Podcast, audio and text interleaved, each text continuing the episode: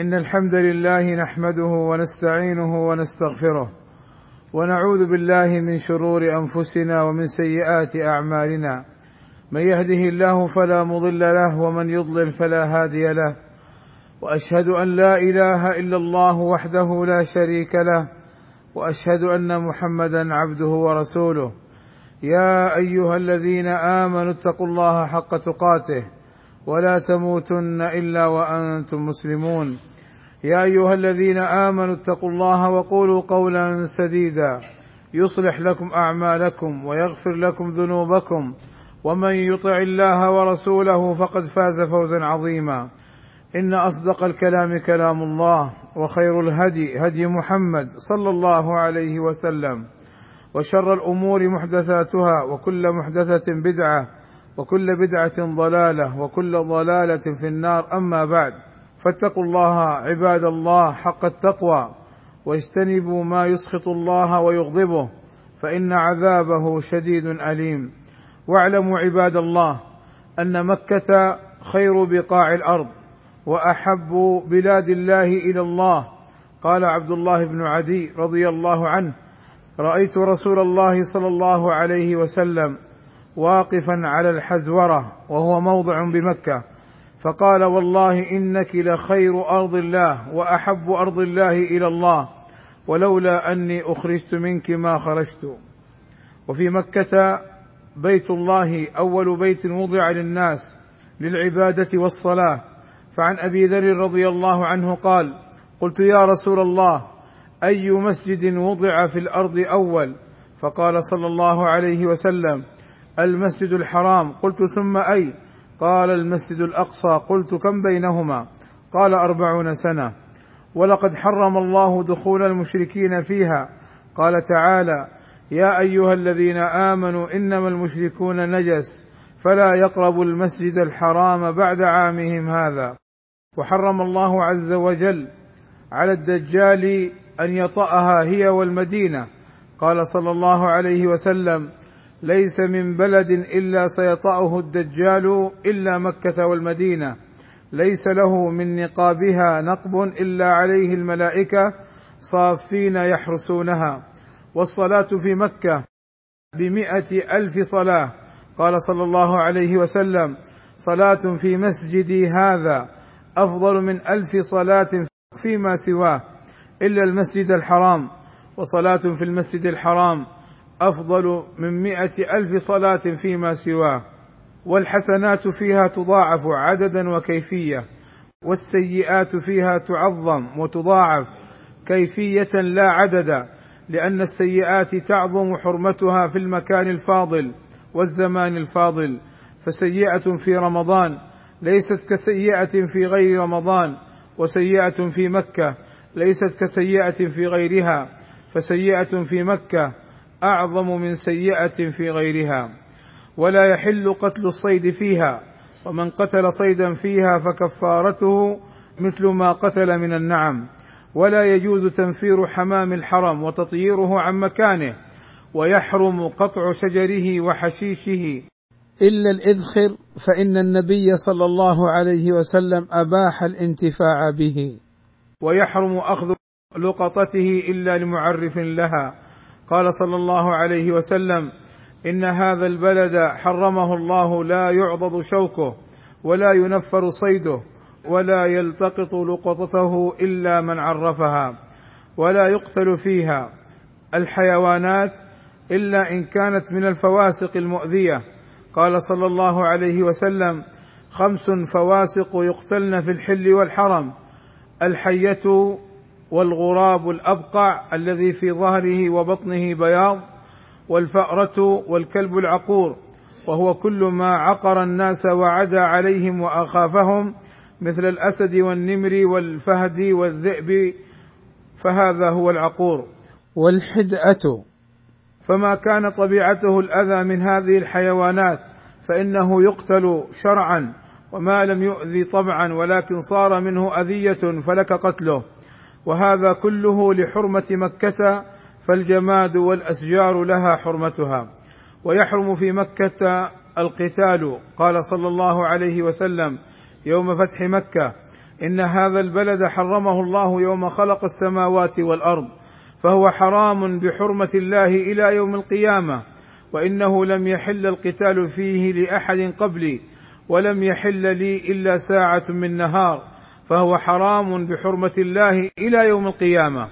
ولقد حفظها الله من تسلط الأعداء عليها. قال صلى الله عليه وسلم إن الله حبس عن مكة الفيل وسلط عليها رسوله صلى الله عليه وسلم والمؤمنين فإنها لا تحل لأحد كان قبلي وإنها أحلت لي ساعة من نهار وإنها لا تحل لأحد بعدي. ولقد كان أهل الجاهلية يعظمونها ويحفظون حرمتها فقد كان الرجل يرى قاتل أبيه فيها فلا يكلمه ولا يتعرض له بسوء.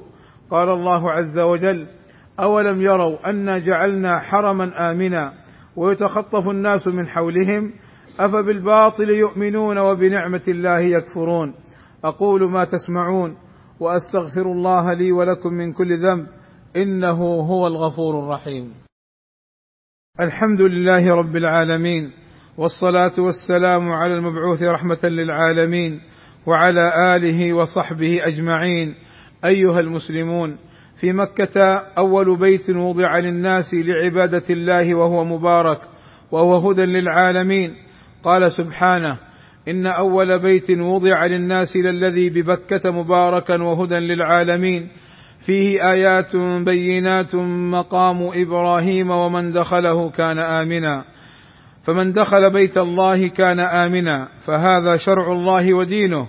والذي يجب أن يكون من دخل مكة آمنا. عباد الله إن الواجب علينا تعظيم مكة والمحافظة على حرمتها وعدم ارتكاب السيئات فيها. فكل من أراد هذا البيت بإلحاد وبظلم أذاقه الله. أذاقه الله الخزي في الدنيا والعذاب الأليم في الآخرة لأنه اعتدى على بيت الله وعلى حرمه الذي أمنه منذ أن خلق السماوات والأرض. قال تعالى ومن يرد فيه بإلحاد بظلم نذقه من عذاب أليم. والمراد بالإلحاد الظلم في الحرم. قال عبد الله بن مسعود لو أن رجلا هم بقتل مؤمن عند البيت وهو بعدن أبين أي جهة حضرموت أذاقه الله في الدنيا من عذاب أليم. وكان لعبد الله بن عمرو بن العاص رضي الله عنهما خيمتان إحداهما في الحل والأخرى في الحرم فإذا أراد أن يصلي صلى في الحرم وإذا أراد أن يعاتب أهله عاتبهم في الحل فسئل عن ذلك.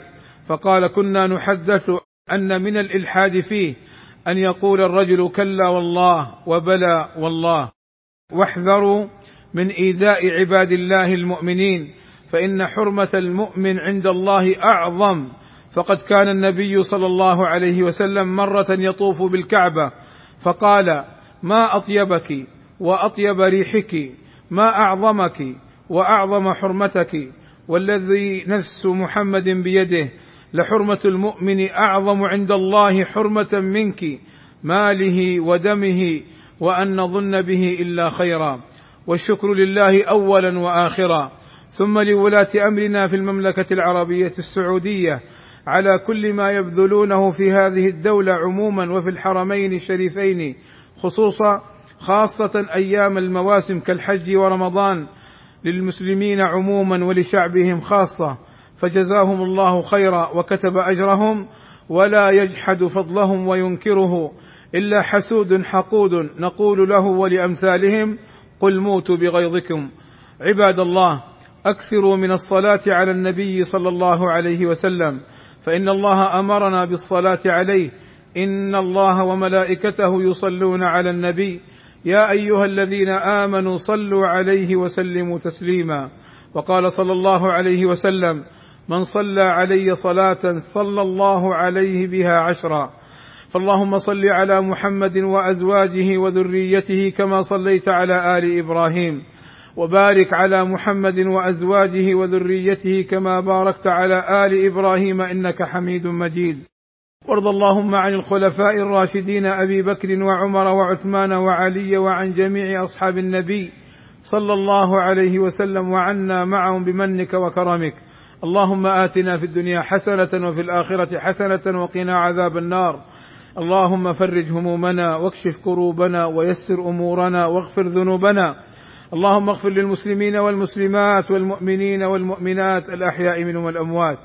اللهم وفق ولي أمرنا الملك سلمان بن عبد العزيز وولي عهده الأمير محمد بن سلمان لما تحبه وترضاه وأصلح بهما البلاد والعباد. واحفظهما من كل سوء. اللهم أيدهما بتأييدك ووفقهما بتوفيقك وأعز بهما الإسلام والمسلمين. وصلى الله وسلم على نبينا محمد وعلى آله وصحبه أجمعين. والحمد لله رب العالمين.